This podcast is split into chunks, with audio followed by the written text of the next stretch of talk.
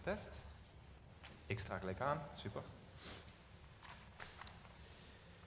Voor de glorie van uw naam. Ja, dat is, een, eh, dat is mooi om daarom het huis te bouwen. Ehm, goed, goedemorgen. Ehm, nou, de vakantieperiode die is bijna afgelopen. Eh, ik hoop dat jullie allemaal een goede, fijne vakantie hebben gehad, mooie reis hebben gemaakt, fijne tijd hebben gehad, ontspannen. Ehm, en volgende week gaan we ook als kerk die uh, vakantieperiode afsluiten. Dus we gaan uh, de startzondag doen, hebben jullie al gehoord. Een nieuwe fase, een nieuwe schooljaar gaan we in. Voor gezinnen vaak weer ja, een nieuwe start. En goed om af en toe bewust stil te staan en achterom te kijken. En ook specifiek voor ze te bidden, voor je gezin te bidden, voor onze kinderen te bidden, voor ze te zegenen, wat Rebecca al zei bij, uh, bij het welkom. Um, ja, en ook natuurlijk voor de gezinnen zonder kinderen, ook dan ben je een gezin, om, om even stil te staan en de zegen mee te geven voor het nieuwe schooljaar. Um, en voordat we dat volgende week gaan doen, gaan we deze week ook de tijd nemen voor, um, voor dit gezin. wij samen zijn ook een gezin, kerkgezin, uh, nemen we de tijd om samen te vasten, te bidden. Elke avond, maandag tot met vrijdag, zoals al gezegd. En, en, nemen we een moment om met elkaar in gebed te gaan. Um, ja, en dat doen we vaker. En dan kan het een traditie worden. En een gewoonte is goed, traditie is ook goed. Um, maar het kan ook een gewoonte worden van oké, nou we hebben het weer gehad en weer door. Dus de reden, zeg maar, de reden waarom we iets doen is natuurlijk altijd belangrijk. Uh, en ook goed om dat voor ogen te houden. Dus um, ja, niet, niet, dat we uh, zeggen, oké, okay, we gaan weer binnen vasten, dat hoort zo, dat wordt van een goed christen geacht om te doen. Uh, als ik niet kom, denken ze dadelijk dat ik geen goed christen ben. Ja, misschien dat soort gedachten. Um, maar de reden waarom we dat willen doen, is natuurlijk omdat we God willen zoeken en dat we tegen God eigenlijk zeggen, we willen het van u horen. We hebben u nodig, Mariet zei het ook al zo mooi, we hebben uw richting nodig. We kunnen het niet zonder u. En bovenal, we willen het helemaal niet zonder u doen. dus als we gaan bidden, als we gaan vasten, dat we, die, uh, um, ja, dat we dat voor ogen hebben. Dat is de reden waarom we dat doen. En nog even los van het thema waarover het gaat. Uh, maar ook vandaag wil ik dus kort even stil gaan staan. Um, uh, alvast op, op um, zeg maar voorbereiding voor op, komende week. Maar ik wil stil gaan staan net zoals we dat het begin van het jaar ook even hebben gedaan. En toen hebben we ook even stilgestaan, toen hebben we samen een periode afgesloten. En hebben we, ze hebben gezegd, we gaan al voorzichtig een nieuwe fase in. En toen hebben we ook de jaartekst hebben we geïntroduceerd um, in de gemeente. En uh, die omschrijft ook dat we weer aan het werk zijn gegaan, dat we weer een begin hebben gemaakt om te gaan bouwen. En dat we eigenlijk zijn gaan herbouwen, zou je kunnen zeggen. Dus we zijn weer vanaf nul mogen starten. Maar wel op het fundament wat gelegd is. En dat is een heel mooi fundament. Ik weet niet of je het filmpje nog kan herinneren over de fundamenten van Kom en Zie. Uh, vond ik ja, ontzettend gaaf om te zien. Ik heb daar een hele zelf niet van meegemaakt, maar dan je wel, ben je wel onder de indruk van hoe God dit huis, wat Kom en Zie heeft, uh, heeft, gebouwd heeft. En welk fundament hij daar in al die jaren heeft gelegd. Dus begin van het jaar hebben we al een beetje vooruitgekeken. En de Bijbelteksten voor de gemeente voor het nieuwe jaar eh, ja, geïntroduceerd aan, aan jullie als, als gemeente. En we hebben gekeken naar onze missie als kerk. Dat is een beetje wat we gedaan hebben aan het begin van het jaar. En die missie die hebben we natuurlijk niet zelf bedacht, uh, maar die hebben we wel proberen in één zin samen te vatten. Dus wat doen we hier en waarom, waarom zijn we hier bij elkaar? En terwijl we aan de slag gaan, zijn we in dit alles, eh, eh, in in alles willen we natuurlijk Jezus volgen en willen we ook niet alleen hem volgen, maar willen we ook zijn wil doen. Um, dus als we aan de slag gaan en weer gaan bouwen en weer bij elkaar komen, dan weten we ook waarom we dat doen. Um, en wat we daarbij voor ogen hebben. Nou, en ik kan u vertellen, als je een verantwoordelijkheid bent aangegaan, dan zijn, uh, iedereen heeft op zijn eigen manier een stukje verantwoordelijkheid, of je nou een team uh, aanstuurt of iets doet, uh, kerk buiten de kerk, maar in ieder geval even de context van kerkgemeente.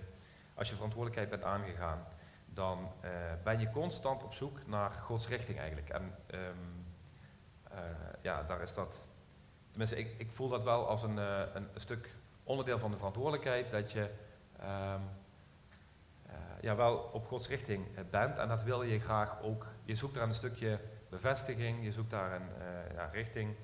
Ehm, en dat wil je dus ook blijven monitoren. Of je nog op de goede weg aan het lopen bent. En in de goede richting gaat met elkaar. En ik zie dat een beetje eigenlijk als een kompas. Ehm, en in een kompas staan een aantal dingen ook vast. Noord, Oost, Zuid, West. Ehm, maar ook bij God is dat zo, staan ook een aantal dingen vast. Wie God is uh, en zijn woord is ook zo'n vaststaand iets. En het is goed om daar geregeld bij stil te staan, bij die vaste elementen. Maar een aantal dingen in een kompas, die bewegen ook mee.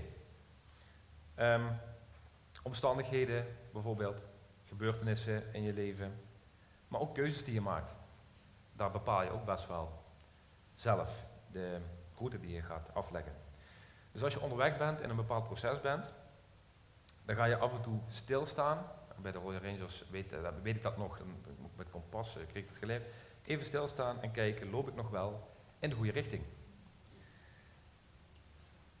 En zo ja, loop ik in de goede richting, ja, dan weet ik, oké, ik loop de goede weg. Dus um, ja, dat is goed om dat geregeld te doen. Kijk, kan het namelijk zo zijn dat als ik hier loop, kompas, en ik moet naar het noorden, en ik ga 1 graden zo, uh, loop ik er een beetje vanaf. Dat is in het begin helemaal niet zo erg. Maar als ik niet stil ga staan om even te checken en ik blijf gewoon doorlopen, dan kom ik uh, 90 graden ergens anders uit. Hoe langer dat duurt en hoe meer dat is. Dus 1, 1, 1% is niet eens zo spannend. Of 1 graden moet ik zeggen. Uh, maar loop je helemaal door, dan loop je ook helemaal verkeerd. Nou, terwijl je op die weg loopt, dan zie je ook vaak herkenningspunten. Als je dat vaker de weg bent gelopen, dan zie je ook, uh, herken je ook bepaalde dingen. Um, die dingen ga je ook sneller herkennen als je steeds dezelfde route loopt. Dan, nou ja, hoef je er niet eens meer bij na te denken vaak. Um, en daarom is het dus belangrijk om dingen te herkennen. En hoe doe je dat? Nou, dat doe je door te leren over wie God is en over te leren wat Hij zegt. En hoe meer je Hem leert kennen, en ook hoe meer kennis je hebt, dus niet alleen kennis van woorden, maar ook God zelf kennen, die twee gaan samen, hoe beter je de juiste route en de juiste weg gaat herkennen. En hoe sneller je ook merkt, hé hey, even, ik zit hier volgens mij niet op de goede route. Dus af en toe stilstaan, afstemming zoeken, zelfs het kalibreren van het kompas is belangrijk. En wat ik zelf daaraan fijn vind om dat te doen, een van de dingen, dat is niet uh, het ding, maar is te luisteren naar de prediking, ook met name gastsprekers die uh, wel eens komen spreken, die geen weet hebben van op welke route wij zitten, zo gezegd. Um, en daar is het, ik vind het prettig om het daarnaast te leggen. Dat wil niet zeggen dat we dan meteen uh, de keuzes gaan maken, want hij zegt dat, dus oké, dan gaan we dat zo doen. Maar het is wel fijn om nou ja, dat mee in dat hele principe van het kompas dat uh, daarnaast te leggen. En nou ja, goed, ik heb inmiddels ook al geleerd dat, dat, dat, uh, ja, dat, dat God ook het gesproken woord gebruikt. En natuurlijk ook de eerste plaats Gods woord en het kennen van God, gebed, noem maar op, maar het gesproken woord ook. Um, maar goed, en het is natuurlijk verstandig voor ons dat we de ambitie hebben en het verlangen hebben om de goede richting op te gaan die God ons geeft. Dus om ons kompas goed in te stellen. Wel zo verstandig, want ja, anders dan gaan we en van de weg af en dan gaan we dingen doen die misschien hartstikke leuk, kosten heel veel moeite, trekt ons helemaal leeg en vervolgens zitten we helemaal niet op zijn weg. Dus daarom staan we af en toe stil, kijken we ook terug. En het eerste deel van deze morgen gaan we ook even terugkijken. En het tweede deel, heeft het al gehoord, dan is het uh, thema van de preek als de Heer het huis niet bouwt. Dus het is in twee delen even opgesplitst, om het zo maar even te zeggen. Um, nou, ik had het al even over de jaarteksten. En die hebben we nog begin, uh, voor het begin van het jaar gecommuniceerd. Dat was eigenlijk een, een tweeluik. Waren twee teksten, maar die wel heel erg bij elkaar hoorden. Uh, ook gewoon vanuit het woord gezien, zeg maar, passen die heel mooi bij elkaar. En je zult vandaag ook zien, de tekst van als de Heer het huis niet bouwt, is het werk te vergeefs. Die hoort ook bij elkaar en dat heeft met de schrijver te maken uh, en de tijdlijn te maken. Dus die kunnen eigenlijk gewoon onder elkaar door. Maar goed, in ieder geval, het eerste, de eerste tekst gaat over. Um, mag je dia 4 eventjes laten zien? Dat we, ja, dankjewel, dat we weer samen aan het werk uh, mogen gaan. Met de gemeente, dat is even de context waar we het nu over hebben. En dat we niet overweldigd hoeven te zijn door het werk wat voor ons ligt. Met de belofte, want zeg maar, dat is, ik ga weer aan het werk. Wees niet, niet zeg maar schrikken als het een beetje overweldigend kan zijn. En oh ja, nog iets. Ik geef je drie beloftes mee. Eén, ik zal je helpen. Hij zelf zal ons helpen. Twee, ik laat je niet in de steek. En drie, ik zal er trouwens zelf voor zorgen dat het werk op de juiste manier wordt gedaan. Dus dat geeft best wel heel veel rust. En de tweede jaartekst um, is daar natuurlijk wel, dat geeft eigenlijk het principe mee. Als je dat, die rust eigenlijk wil, um, en dat aan hem wil geven, nou hoe doe je dat dan? Houd dan voor ogen dat je zijn koninkrijk, het koninkrijk van God en het doen van zijn wil, doen dus wat je gelooft, uh, de hoogste plaats geeft. Dus als kerk en in je eigen leven.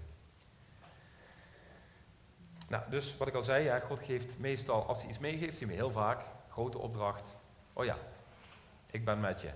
Uh, Mozes geeft hij uh, een, een, opdracht mee, hij geeft er een belofte aan mee. Hij, de, hele, het hele, ja, hele uh, Bijbel staat er bol van, um, van beloftes die God ons geeft.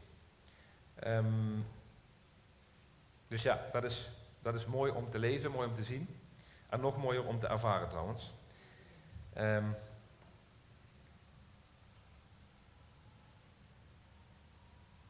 tja, oké. Dus we hebben een jaar afgesloten. We zijn een nieuwe fase ingegaan en we hebben een nieuwe start gemaakt. En daarbij hebben we de missie van de kerk weer centraal gezet.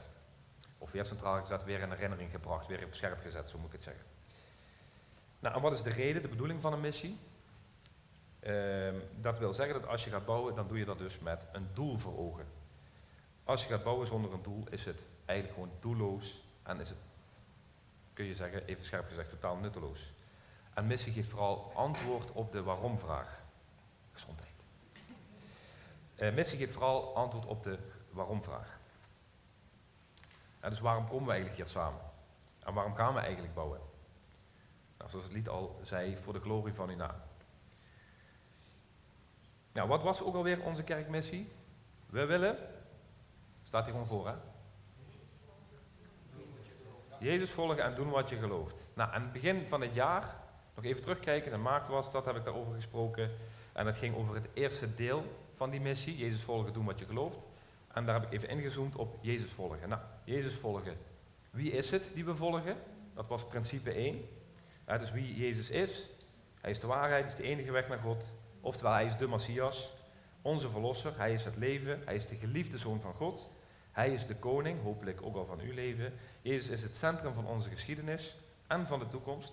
Hij is het licht van de wereld en de hoop van alle volken. Dat is principe 1. Principe 2 is over Jezus volgen. Jezus is de leider van deze gemeente. Hij is het die ons verbindt, hij is het die ons één maakt. Niet onze meningen, niet onze muzieksmaak, niet onze politieke voorkeur, niet onze kijk op bepaalde maatschappelijke thema's, maar Jezus maakt ons één. Hij is het die ons aan elkaar verbindt. Hij is het ook die ons aan elkaar gegeven heeft als een gezin, als een familie. Nou, en net zoals hij de koning is van uw leven, is hij dit ook van deze kerk. Dus Jezus is de leider van deze gemeente. En het derde principe was over Jezus volgen, is dat als je Jezus gaat volgen, dan heeft dat gevolgen. En zijn we hier ons van bewust. Nou, want Jezus die vraagt ons om ons leven aan Hem te geven. Het oude af te leggen en volledige overgave. Zelfs vraagt hij om ons leven te verliezen. Dat is echt een hele heftige vraag. Of verwachting zelfs.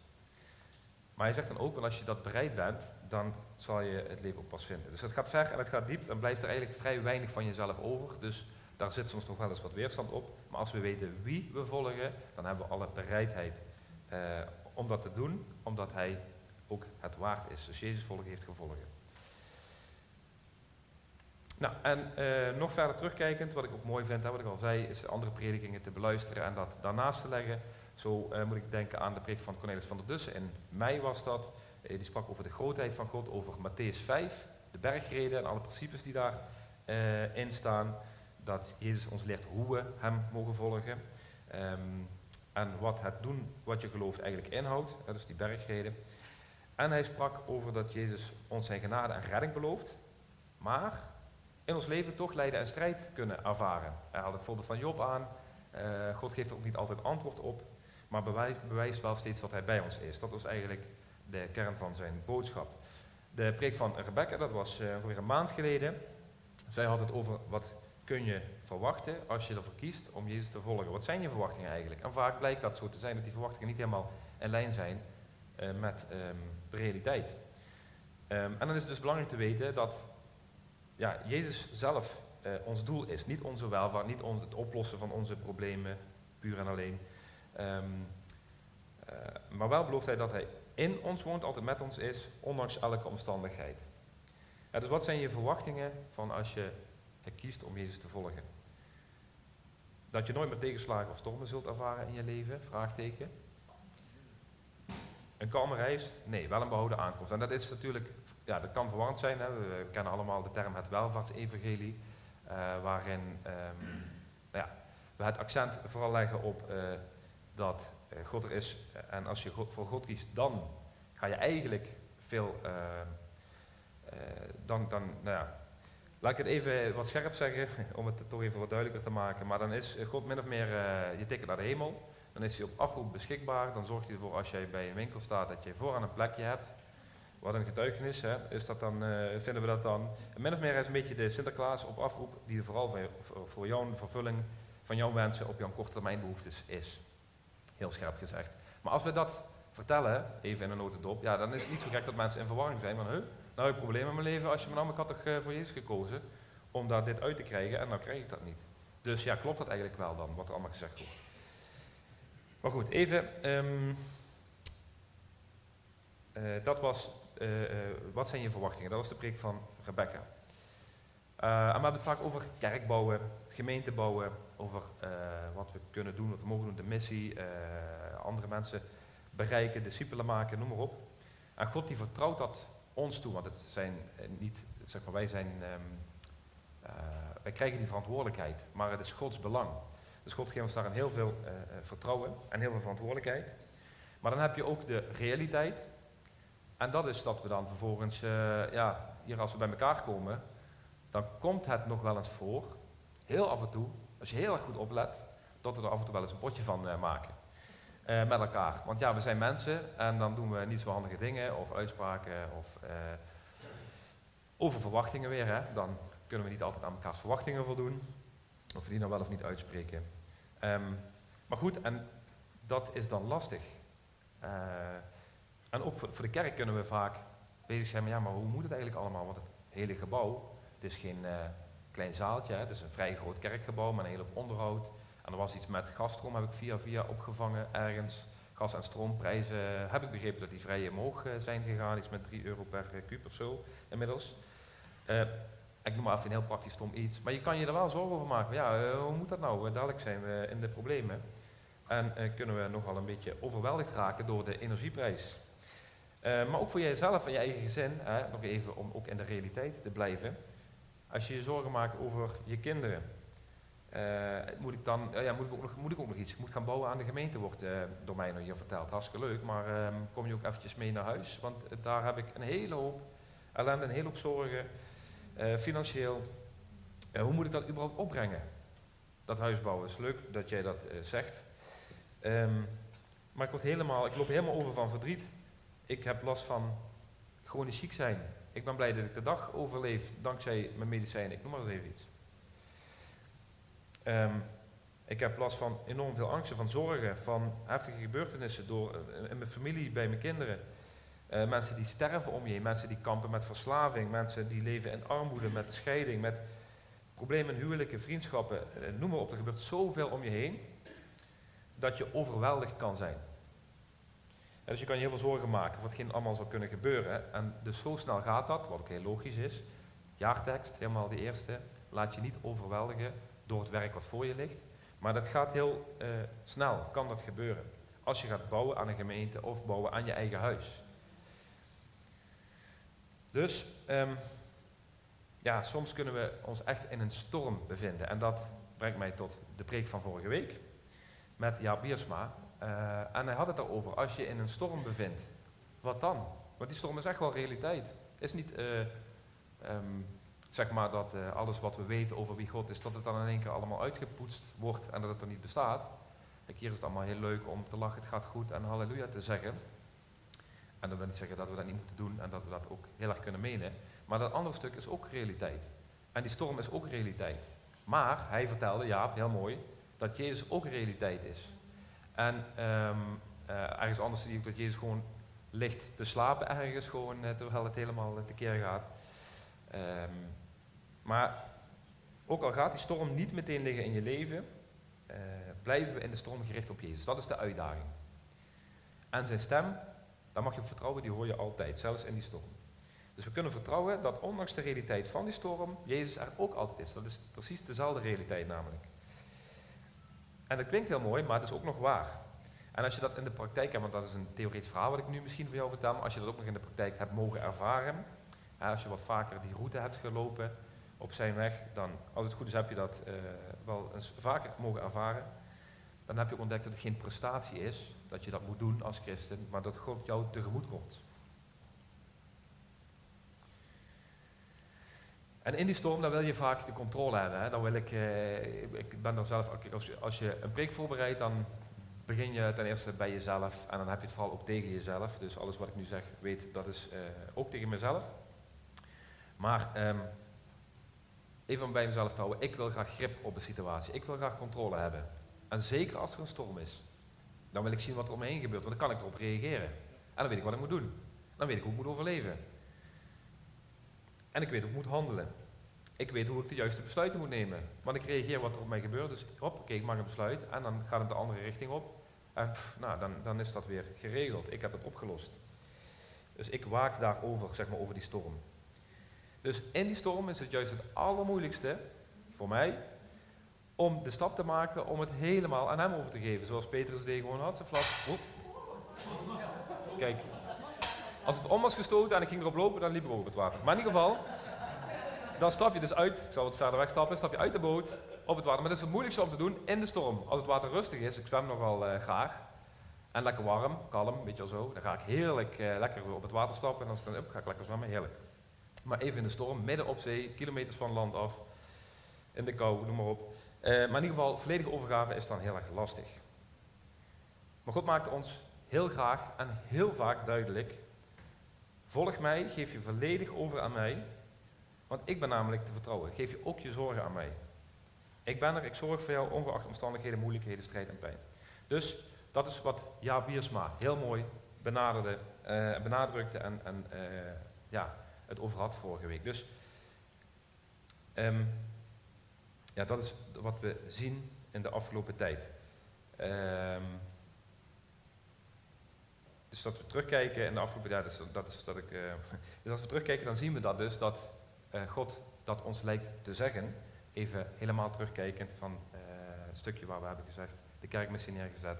We gaan Jezus volgen, doen wat we geloven. Dat Jezus tegen ons als gemeente lijkt te zeggen: Volg mij, geef je volledig over aan mij in alles. En ik zal voor je zorgen en ik zal met jullie zijn, ondanks omstandigheden en moeilijkheden. Daar lijkt een belangrijke kern te liggen. Goed, dan gaan we naar eh, als God zelf het huis niet bouwt. Kijk, wij zijn dienstbaar en wij zijn beschikbaar. En het huis, daarmee wordt eh, ook dit kerkhuis bedoeld, deze gemeente bedoeld, maar ook het huis van je eigen gezin. Uh, maar God zegt heel duidelijk in de psalm, als God het huis niet bouwt, is het te vergeefs. Ja, die bijbeltekst gaan we dus uitpluizen. En dan gaan we naar kijken, even de, de, Bijbelse onderbouwing.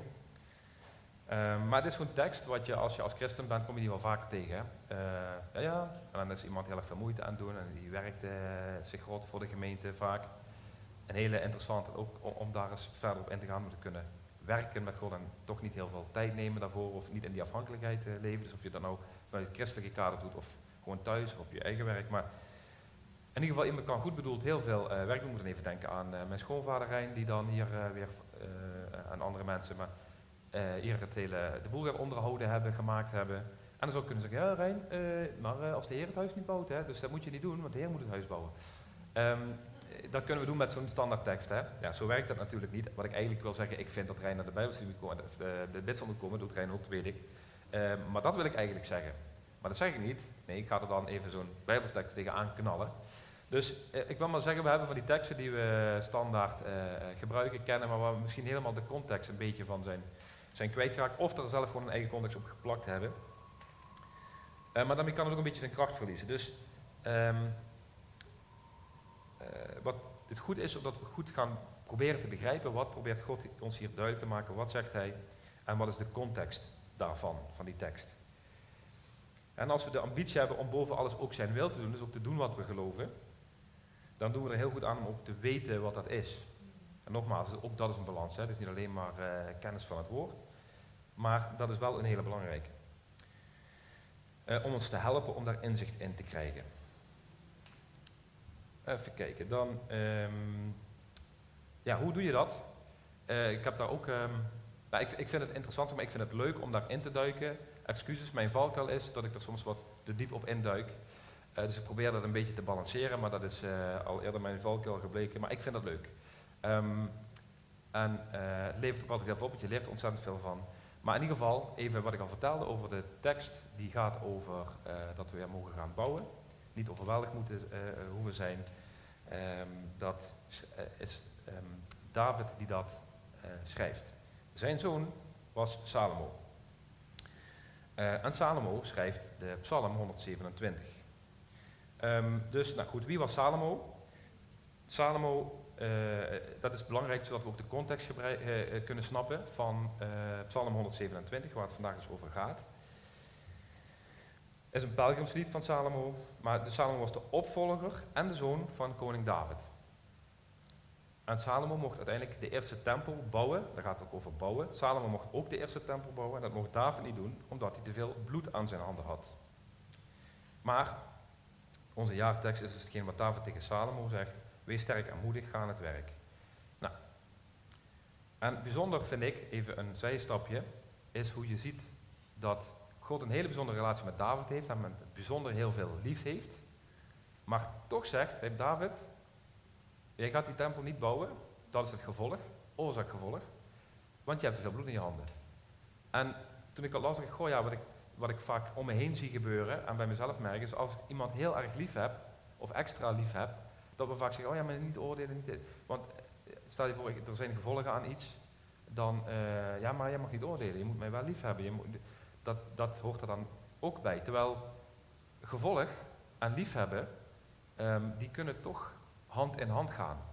Uh, dus wat ik bedoel, um, stel ik heb mijn, mijn, mijn kinderen heb ik heel veel lief, um, maar toch, als zij doen, iets doen wat niet kan, dan zijn er toch gevolgen uh, aan hetgeen wat zij doen. En dan ga ik niet zeggen, ja nee, maar ik hou van je, ik wil je niet veroordelen, dus nou ja, laat, laat die gevolgen maar zitten.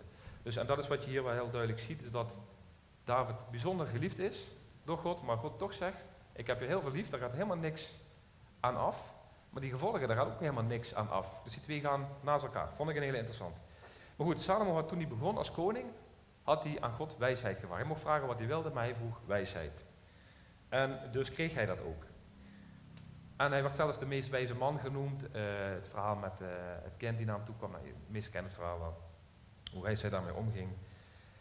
Hij was superwijs. En heeft heel veel tempels gebouwd. Nog even vanuit de context van deze tekst. Hij heeft, heeft meerdere tempels heeft hij later gebouwd. Um, en zelfs ook tempels voor andere afgoden. Omdat hij, dat, dat was toen uh, nog niet zo uh, woke in die tijd. Want hij had gewoon meerdere vrouwen. En die meerdere vrouwen, die, nou, daar bouwde hij dan ook gewoon een, een, een tempel voor. die dan, zeg maar, de goden die ze hadden, prima, wat voor god heb je, dan bouw ik daar een tempel voor. Even heel simpel uitgelegd. Maar dus hij bouwde gewoon tempels voor andere goden. Um, terwijl hij was heel wijs. Hij wat hierop schrijft, als, als de Heer het huis niet bouwt. Dus daaruit blijkt, je kan alle wijsheid van de wereld hebben. Uh, en ik kan hier ook heel uh, wijs zitten te praten. En vervolgens gaan we de praktijk in. En dan doe ik, terwijl ik die wijsheid heb, doe ik hele domme dingen. Dus weten is nog helemaal geen doen. Uh, dus is het goed, hoe slim we ook zijn, of hoe wijs we ook denken te zijn, terug te gaan steeds naar die basis. Salomo, de meest wijze man, die lukte het ook niet om um, zeg maar dit principe in zijn eigen leven eigenlijk toe te passen. Maar daardoor heeft hij het wel doorleefd, omdat hij, hij weet wat het is om vanuit God te bouwen en hij weet wat het is aan de gevolgen en wat het is zonder dat te doen. Dus hij heeft het wel doorleefd, dus hij weet hier wat hij schrijft. En zoals gezegd, tussen weten en doen kan een groot verschil zitten. Oké, dia 11. Ehm, dat is de tekst. Het pelgrimslied van Salomo, zo begint het. Als de Heer het huis niet bouwt, dan vergeef zwoegen de bouwers. Als de Heer de stad niet bewaakt, vergeefs doet de wachter zijn ronde. Vergeefs is het dat je vroeg opstaat, je laat te rusten legt, je aftopt voor wat brood. Hij geeft het zijn lieveling in de slaap. Die komt er dan in één keer, komt die in één keer vandaan. Ook mogelijk is de vertaling, hij schenkt zijn lieveling de slaap. Kinderen zijn een geschenk van de Heer, de vrucht van de schoot is een beloning van God. Als pijlen in de hand van de schutter, zo zijn kinderen. Verwekt in de jeugd. Gelukkig de man, wiens koker is gevuld met pijlen zoals zij, hij staat niet te schande als hij zijn vijanden aanklaagt in de poort. Hoofdstuk is opgesplitst in twee stukken, want in één keer gaat het over kinderen, uh, dus dat lijken twee verschillende dingen, maar die horen bij elkaar. Um, op een belangrijke manier gaan straks ook zien hoe die aan elkaar verbonden zijn. Maar wat opvalt in het eerste deel, en als je een Bijbel hebt of een digitale Bijbel, kun je ook uh, onderstrepen, bladwijzer uh, maken. Maar dan zie je al meteen uh, drie keer hetzelfde terugkomen in slechts twee versen. Als de Heer het huis niet bouwt, te vergeefs zwoegen we. Als de Heer de stad niet bewaakt of bewaart, te vergeefs is het waken. Vroeg opstaan, laat naar bed, is te vergeefs. Nou, wat is de betekenis van dat woord te vergeefs? Want het staat er drie keer, is kennelijk nog wel belangrijk in het stuk. En in het Oude Testament komen we dit woord te vergeefs ook tegen. En daar is de letterlijke betekenis van het woord leeg, vruchteloos, totaal zinloos, doelloos, geen enkel nut hebben, geen zin hebben. Dus je kunt gaan bouwen aan iets, letterlijk aan een gebouw of een plan. Maar als je dit doet zonder God, dan is het doelloos aan al die andere woorden die ik eh, net noemde. Dus je kunt ergens over waken, oftewel denken dat je ergens de grip over hebt. Eh, maar zonder God is dat zinloos. Hoe vroeg je ook opstaat, hoe laat je ook naar bed gaat, je kunt je helemaal kapot werken. En dan nog kun je zorgen blijven maken of je wel genoeg eten hebt, hoe hard je ook werkt. Gek is dat, hè? je kan je helemaal de naad uitwerken en in één keer hoeven maar een paar dingen te gebeuren. En in één keer maak je je toch gewoon zorgen of je wel genoeg te eten hebt. Nou, Psalm 127 geeft ons een samenvatting van een nutteloos, bezorgd en zinloos leven. En als je hierover nadenkt, kunnen we de vraag stellen: wie van jullie wil zo'n leven? Bezorgd, nutteloos, zinloos leven. Nou, ik denk dat dat helemaal niemand wil. Um, dat je een leven wil alleen maar om het einde te halen. En je dan aan het einde van je leven te realiseren dat het allemaal aan je voorbij is gegaan. En dat je leven eigenlijk helemaal niks heeft betekend. Mijn leven is te vergeefs geweest. Nou, zo'n leven willen we natuurlijk niet. Dus, hoor God vanmorgen spreken. En, nou goed, daar, daar zien we twee principes in die uh, nou ja, eigenlijk kunnen, nou niet kunnen helpen, maar die wel leren um, welke principes je kan toepassen als je een doelloos leven uh, gaat, gaat hebben, zeg maar. Wat de weg zal banen naar een leven die te vergeefs is. Nou, één. Wat is principe één? Als je dus zo'n leven zou hebben of gaat krijgen, wat je dus niet wil. Dus een nutteloos, bezorgd, zinloos leven is de uitkomst als je niet, en dat is principe één, niet afhankelijk bent of wilt zijn van God. In dit leven wordt er weliswaar gewoon gebouwd. Carrières, ideeën, plannen. Er wordt over gewaakt. Er wordt heel hard gewerkt. Maar je handelen, denken en spreken, dan zeg je eigenlijk, ik heb God helemaal niet zo nodig. Ik kan zelf prima bouwen, waken, werken. Um, en ik ben helemaal niet zo afhankelijk van God. Dus dat is de eerste stap naar zo'n leven. En de tweede stap naar een tevergeefs leven is, als je een nutteloos, zinloos uh, leven wil hebben, met zwoegen en veel zorgen, lees aftobben, door uh, God niet te vertrouwen. Dus niet afhankelijk te zijn en God niet te vertrouwen. Nog duidelijker als je jouw leven niet aan Hem toevertrouwt. Simpel gezegd. Het woord aftobben, wat we hier lezen, uh, dat is hetzelfde woord uh, wat gebruikt wordt voor pijnlijden. En aftobben, pijnlijden, datzelfde woord werd gebruikt in Genesis 3, vers 16. Dat aftobben, waar we het voor het allereerst lezen over de gevolgen van de zonde. En daar werd voor de eerste keer datzelfde woord gebruikt. Vond ik een uh, interessante. En in de Nederlandse taal, vertaling worden verschillende woorden aangegeven met aftobben. Een zware last, pijn lijden, zwoegen, moeite hebben. Het beeld is dus dat je hard kan merken dat je alles kan doen om te bouwen, om te waken, om te voorzien. Je zwoegt, je lijdt, je draagt lasten uh, met je mee. Het kost allemaal veel moeite. Je doet er alles aan om dat ook nog eens onder, onder controle te houden. zodat je alles in, eigen hand kan, kan houden en er toezicht op blijft houden. En de vrucht daarvan is vaak oververmoeidheid, burn-out, angst, overspannen, depressie. Er zijn nog meerdere redenen waardoor je dat kan hebben. Maar dit is er zeker één van. Uh, en nogmaals, uh, durf te zeggen, ik weet waarover ik praat. Um, nou, zeker als je het zelf niet kan oplossen. En als je het zelf helemaal niet kan bewaken of onder controle kunt houden. Ondanks al je inzet.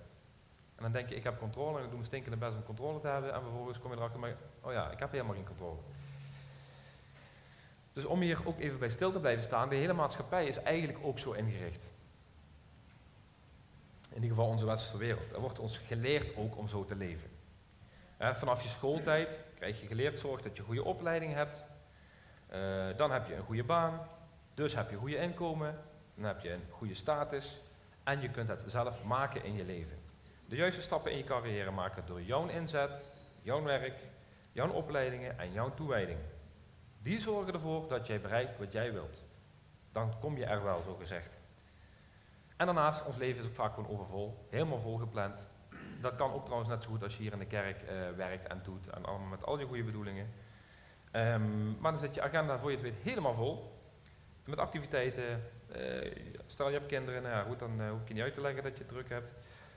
je sociale contacten onderhouden. nou, we kunnen ons hier allemaal aan geven en heel erg druk mee, mee zijn. En die dingen zijn op zichzelf allemaal helemaal niks mis mee, even wel te verstaan. Maar eh, dan kan het er wel bij inschieten dat we doelbewust tijd apart zetten voor God en met God. En ook dat we bewust stilstaan dat we al deze dingen niet kunnen zonder God. Dus we kunnen heel makkelijk doorgaan met ons werk, onze planning, onze agenda, zonder even stil te staan. Zonder zijn woord te lezen, zonder in, gebed te gaan. En te zeggen, want dat is de kern, ik kan en ik wil het niet zonder u doen. En dan heb je het nogmaals niet over werken voor God, maar tijd nemen met God. Nou, komende week gaan we ook bidden en vasten uh, met de gemeente. En eigenlijk is dat bedoeld om onszelf ook te helpen. Om daar dus tijd bewust voor apart te zetten. Het woord te openen, te bidden.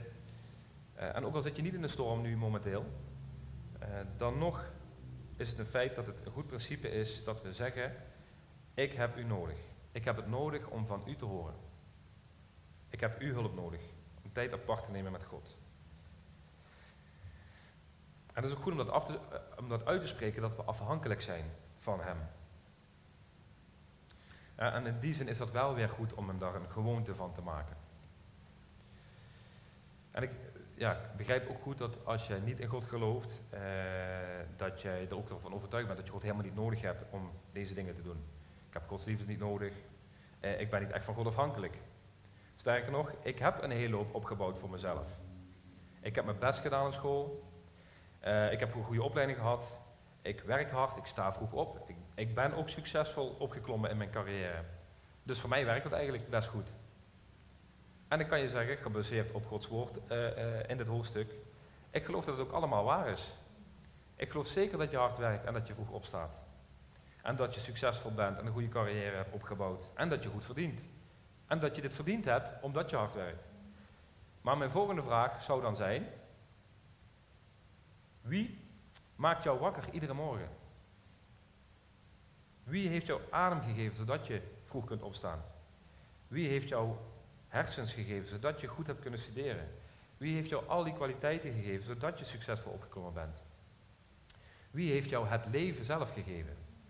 Wie heeft jou nu op dit moment het zuurstof in jouw longen gegeven en gezorgd dat je hart nu op dit moment klopt.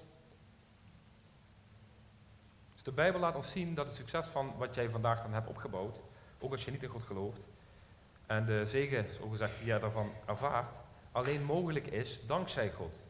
En alleen is gegeven door God. Of je nu wel of niet in God gelooft, sterker nog, als jij, zelfs als je hem ontkent dat, die, dat het aan hem te wijten is, dat bewijst alleen nog maar hoe groot de liefde van God is. Dat bewijst alleen nog meer.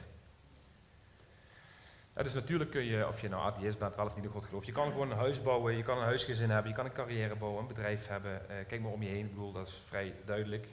Eh, maar God garandeert jou, nogmaals gebaseerd alleen op dit hoofdstuk, als je dat niet doet in zijn afhankelijkheid, per definitie, feit, een gegeven, is het te vergeefs?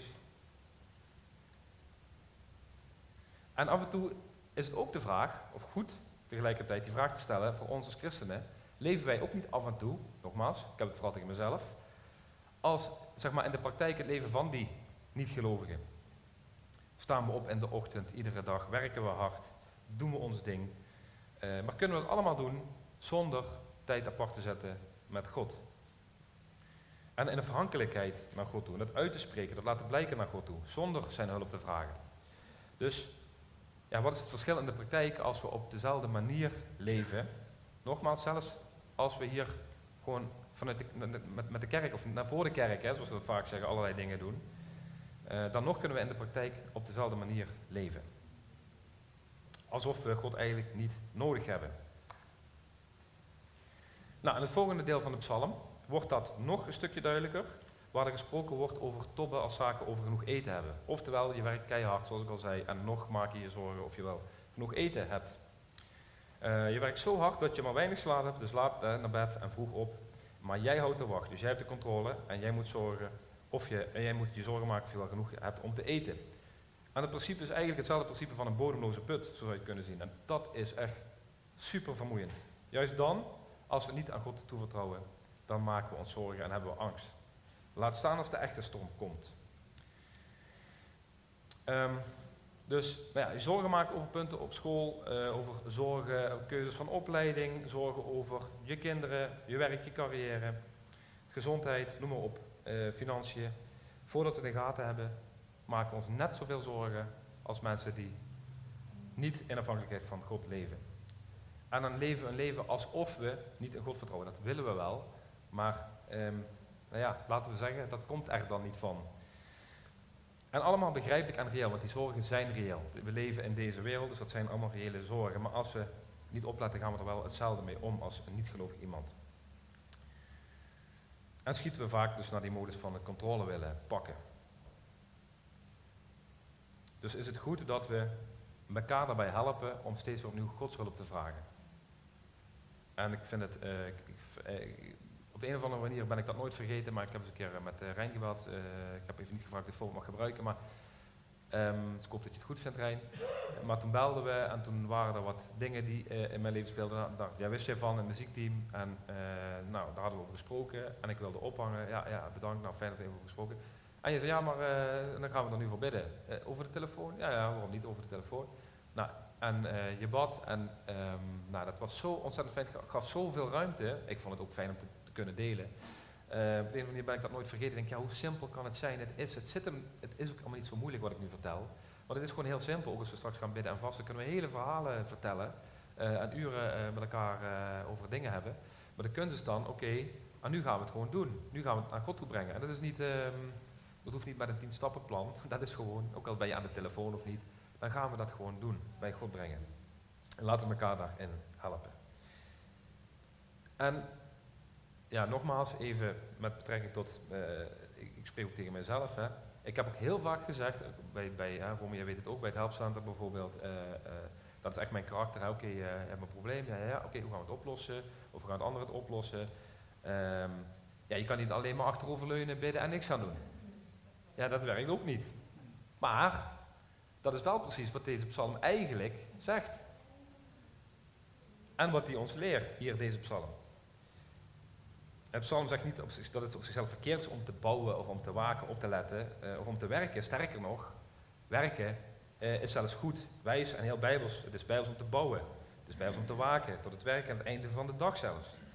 Dus, um, als voorbeeld, we kunnen elke week bidden dat de arme mensen geholpen worden. Als kind, hè, dat ja, dat de arme mensen geholpen mogen worden. Kunnen we, dat kunnen we in de eeuwigheid verbinden. Maar volgens mij kunnen we ook gewoon zeggen, oké, en nou gaan we er wat aan doen.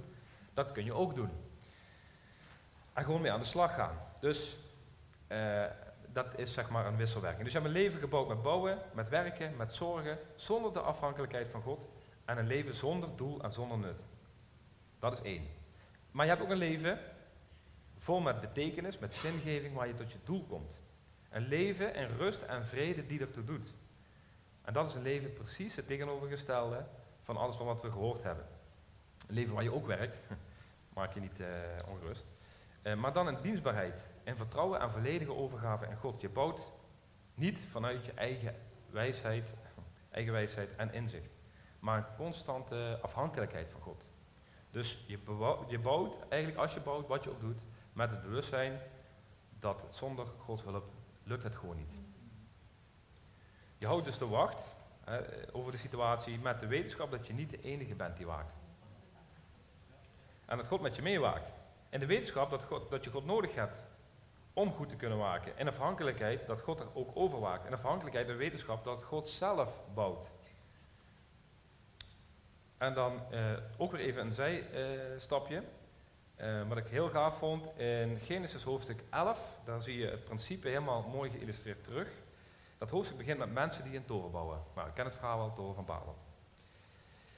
Niet in afhankelijkheid van God, maar juist in ongehoorzaamheid van God. Want wij gaan het doorbouwen en uh, op één plaats samenkomen, nou, dat hele verhaal. En al die mensen, want die hadden kennis en kunnen die mensen, hè, dat uh, even een toren bouwen, dat was zeker in die tijd uh, niet zomaar even iets. zeer indrukwekkend, hun kennis en kunde. Zij bouwden aan die toren binnen een seconde. Stopte God het bouwen en werden ze over de aarde verspreid. Het hele bouwwerk, alle tijd, alle moeite, al het materiaal in één keer. Met één vingerknip. Duidelijk dat het allemaal te vergeefs was. Kon zo de prullenbak in. Blik allemaal voor niets te zijn geweest. Tweede deel, hetzelfde hoofdstuk. Dan gaat het over een man genaamd Terach. Daar toont God aan Terach dat hij zou bouwen, niet aan een gebouw, maar aan een nageslacht. Bouwen aan zijn huisgezin. God zou hem een zoon geven. Zijn naam zou Abraham zijn. En door Abraham heeft God zijn volk gebouwd, gegeven. God zou vanuit dat volk een hele beweging in gang zetten zodat alle naties bereikt zouden worden. Door wat God op die dag begon te bouwen, daar Genesis 11, zitten u en ik hier vanochtend in Limburg, Schinnen, hier bij elkaar. Duizenden jaren later, als onderdeel van het gebouw wat God die dag begon. En in één hoofdstuk zien we het verschil tussen te vergeefs bouwen en bouwen aan een waardevol, betekenisvol leven die doet. Die doet. Waarom? Omdat het afhankelijk is van God zelf en dat God zelf daar bouwt.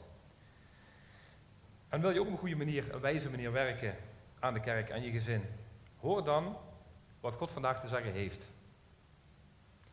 U en ik kunnen in 1 seconde, 1 minuut, 10 minuten meer bereiken in ons hele leven in afhankelijkheid van God, dan dat we een heel leven zouden kunnen bereiken zonder God.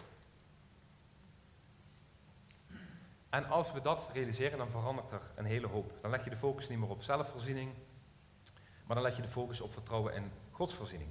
En als je iets onderneemt, je dag begint, dan ben je steeds wel bewust dat je zelf niks kunt en vooral ook niks wilt doen zonder God. Ik heb uw hulp nodig, ik heb uw richting nodig. God is, er is niets wat ik vanuit mezelf zou kunnen en willen doen. Is dat hoe je zou willen leven? Want wat is het gevolg van dit leven in overgave?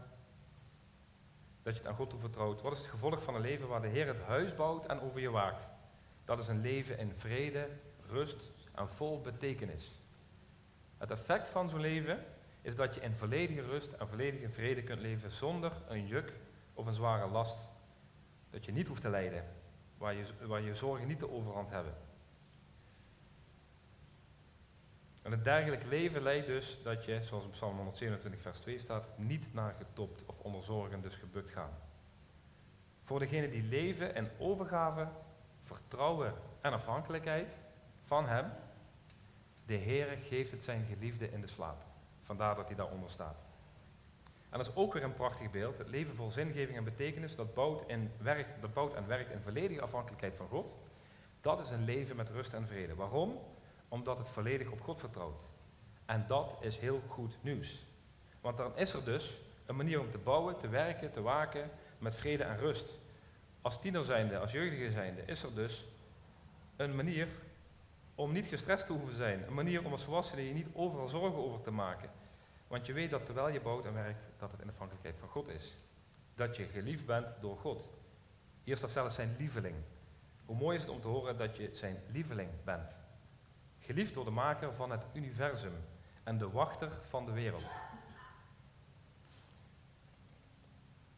Dus dat betekent dat je gewoon je hoofd op de kus kan leggen en heerlijk kan gaan slapen. Ondanks alles wat er om je heen gebeurt, ondanks alle problemen die je ervaart en die er zijn die op je afkomen, de storm waar je in zit. Je kunt je ogen sluiten en vredig gaan slapen. En mensen die daar moeite mee hebben met slapen, die weten vast wel hoe fijn het is als je vredig kan slapen. Hoe verschrikkelijk lastig het is als je dat niet kan. Hoe fijn is het dat je dan vredig kan slapen, omdat je weet dat jij zelf al je problemen, je lasten en je zorgen in de hand liggen van God die jou lief heeft. En trouwens, God slaapt nooit. In andere woorden, hij zal niet stoppen om voor jou te werken en over jou te waken. Psalm 121 lezen we dat. Het is een hele mooie quote van John Piper. Ik weet niet of jullie die persoon kennen. Ehm, maar hij, in het Engels is dat, maar daar legt hij iets heel moois uit over slaap. Ik vond dat heel mooi. En dan zegt hij, slaap is een dagelijkse herinnering van God dat wij God niet zijn. Elke dag stuurt God ons naar bed zoals een patiënt die ziek is. Die patiënt heeft een chronische ziekte waarbij hij of zij denkt dat hij alles onder controle heeft en dat het werk wat hij of zij doet onvervangbaar is. En om ons te genezen van deze ziekte verandert God ons in een hulpeloze zak met zand. Hoe vernederend is het voor een man die een hoge status heeft opgebouwd, de self-made man, die het helemaal gemaakt heeft om net zo hulpeloos te worden als een baby die nog afhankelijk is van zijn moeder. Elke dag weer opnieuw. De slaap komt elke dag opnieuw met dezelfde boodschap. Wij zijn niet in controle. God alleen is onze wachter die nooit vermoeid raakt en nooit slaapt. En God is niet zo onder de indruk van ons vroege opstaan en laat naar bed gaan en ons harde werken zoals Psalm schrijft. God is wel onder de indruk als wij gaan slapen in vrede, omdat we alle onze zorgen aan Hem hebben toevertrouwd. Ja, ik vind het zo mooi dat het beeld, ik zelf weet nog dat ik dan bij de kinderen ging zitten als ze sliepen. Dat ik, oh ja, dan, dan zeg maar als je de, dat, dat moment van liefde voelt, hè, dat je denkt, kan ik, voordat je kinderen hebt en nadat je kinderen hebt, dan denk ik, kan ik zoveel van iemand houden. Nou, en als je dan zo bij een kind ligt, die ligt te slapen, uh, ook al heb je hem dan uh, achter de bank kunnen plakken uh, ergens een keer gedurende de dag, maar als je ligt te slapen, dan zijn ze toch zo lief. En dat je dan God de Vader van het maken van het universum, die zo groot is, eh, die er was toen ik er nog niet was en er nog zal zijn als ik er niet meer ben, die dan zo zijn geliefde daar zo aan het bed zit en geniet en je lief heeft, omdat je ligt te slapen. En verder helemaal niet zo heel veel doet. nou, het laatste deel, het tweede deel, ik zal daar even heel kort overheen gaan, maar dat is in één keer een heel plotseling een totaal ander beeld. Het lijkt over totaal iets anders te gaan. In één keer gaat het over kinderen zoals we net al in hoofdstuk 11 lazen, Genesis hoofdstuk 11 waar ik aan refereerde, is dat wij vaak bouwen, denken we aan een huis. En God die bouwt aan een gezin, aan een familie. En alles wat daarbij hoort. Tweede deel van Psalm 127 gaat in één keer over het bouwen van een gezin, over kinderen. Uh, en dat zij een geschenk zijn van de Heer, dat ze een vrucht van de schoot en een beloning van God zijn, als pijlen in de hand van een schutter. Zo zijn kinderen, verwekt in je jeugd. Gelukkig de man wiens koker is gevuld met pijlen zoals zij. Hij staat niet te schande als, zijn vijanden, eh, als hij zijn vijanden aanklacht aan de poort. Um, ja. Even kijken, ja, een goed voorbeeld uh, van dit principe waar het gaat over het bouwen van een huisgezin. Dat uh, kun je ook teruglezen, schrijf maar op mocht je dat uh, interessant vinden. 2 Samuel vers 7. Uh, als wij denken aan bouwen, dat is wat ik al zei, denken we meestal aan het bouwen aan een carrière, een bedrijf, een goede cv of weet ik wat. Maar de Bijbel legt de prioriteit dus bij het eerst als eerste bij het bouwen van een gezin. Dus dat komt als eerste. Dat weten we ook, hè. Gezin komt op de eerste plaats. Daarna pas, nou, um, dat weten we. Die wijsheid hebben we. Maar dan de praktijk, weten en doen. Dus daar is ontzettend veel over te zeggen. Een ouderwets gezin nu, even ouderwets gezin, dan bedoel ik even gewoon een vader, een moeder, kinderen, bij elkaar. Um, dat is steeds minder van deze tijd. De, het gezin werd ook wel de hoeksteen van de samenleving eh, genoemd. Uh, en nu is datzelfde traditionele gezin vaak een confronterende spiegel van de huidige samenleving. En dit principe van dat gezin, dat wordt ook erg aangevallen. Nu is het al zo ver terug, het, gewoon God schiep de man en de vrouw. Nou, even als we daar beginnen, dat wordt aangevallen, het gezin wordt aangevallen, het, uh, het, het is allemaal we willen het allemaal iets van de tafel uh, vegen. Uh, andere kant, dus het is even een hele ouderwetse tekst, deze psalm, want God heeft over je zonen zijn als, dat is een zegen, kinderen, pijlen in een koker, nou, heel veel pijlen in een koker. Dus hier zegt God, kinderen zijn een zegen. Als wij nu denken in, uh, ja, ik heb een carrière, of ik, wil, ik kom er nog even niet uit, of ik wil liever even andere dingen, uh, of ja, zoveel is te veel. Hier zegt God eigenlijk, het is een zegen, heb kinderen en heb er heel veel. En dat is eigenlijk wat hij zegt. Doe ermee wat je zelf wil, maar dat is wel wat hij hier zegt. Um, dus misschien is het een goed idee dat we huisbezoeken gaan brengen. Wanneer komt de volgende? Weet je, dat, uh, ging, dat ging vroeger nog zo volgens mij. Hè? Dat ze echt gewoon langs het huis kwamen. Daar heb ik alleen maar van horen zeggen. Ik kan me daar niks bij voorstellen. Ik had hem volgens mij heel snel weer uh, wat anders gezegd. Um, maar goed, in ieder geval, dat gebeurde vroeger uh, wel. Van hey, wanneer komt de volgende weer eraan? Um, maar het is geen, dat is geen goed idee. Maar de gedachte is niet gek. Kinderen zijn een zegen van God. En dat is goed om daar bewust van te zijn. En ook uh, ik probeer het even samen te vatten, maar um, wat laten we daar vaak in voorgaan? En kinderen komen dan eigenlijk, oh ja, nu heb ik dat, dan komen de kinderen. Um, je ziet het ook bij abortus, hè. vaak is het, is het een, heftig thema, maar vaak, ja, ik kom er nu nog niet uit. Uh, dus dat is dan een reden voor uh, de geboorte, of de, de bevalling, of de geboorte, de zwangerschap, niet, niet door te zetten. En het is toch wel, het heeft wel een bepaalde mindset die... Um, vanuit God komt en die, en die vanuit onszelf komt. Het is in ieder geval een zegen en een bepaalde perspectief om naar kinderen te kijken. Um, en dat we ze als zegen zien. En dat is ook gewoon bijbels. En niet dat we over te praten alsof het een last is voor je carrière of opleiding.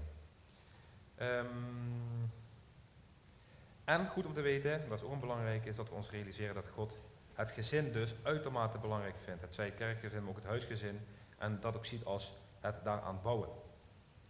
God lijkt daar heel veel waarde aan te hechten, zoals we hoofdstuk 11 hebben gelezen, Genesis hoofdstuk 11 en 1 Samuel 7 heb ik niet gelezen, maar zoek het maar eens op. Um, daar zie je dat, uh, dat God dat heel duidelijk laat, uh, laat blijken. Als we, dus wat ik al zei, ja, als we nog meer op scherp gaan zetten, dan uh, staat er dus gelukkig de man wiens koker is gevuld met pijlen. Dat, dat wordt dus kinderen mee bedoeld. En dan zie je ook het principe, en dat is ook een beetje ouderwets, maar dat dan als jij later eh, tegenover vijanden staat, dat je hebt je rugdekking, want dan heb je al je kinderen. Dus je staat niet ter schande of ter schaamte. Jouw kinderen zijn dan, eh, die zorgen dan ook voor jou. Was, ik ben even mijn kinderen aan het zoeken. Het, die wil ook even indringend aankijken. Ja, ja. Um, ja, dus het is goed om veel kinderen te hebben. Ze helpen als je leven uh, als je het moeilijk hebt in je leven op latere leeftijd.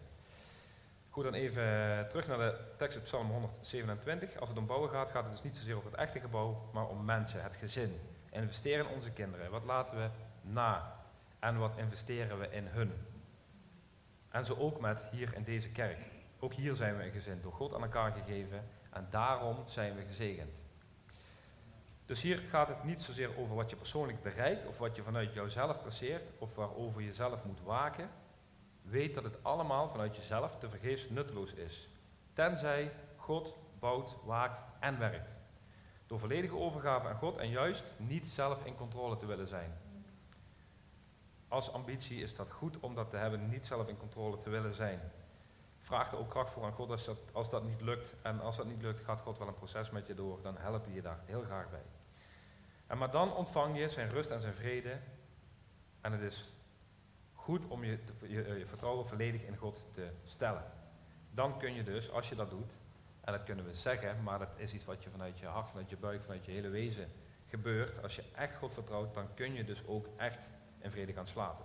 Zelfs in de storm. Is Hij er, waakt Hij over jou, dan slaapt Hij nooit.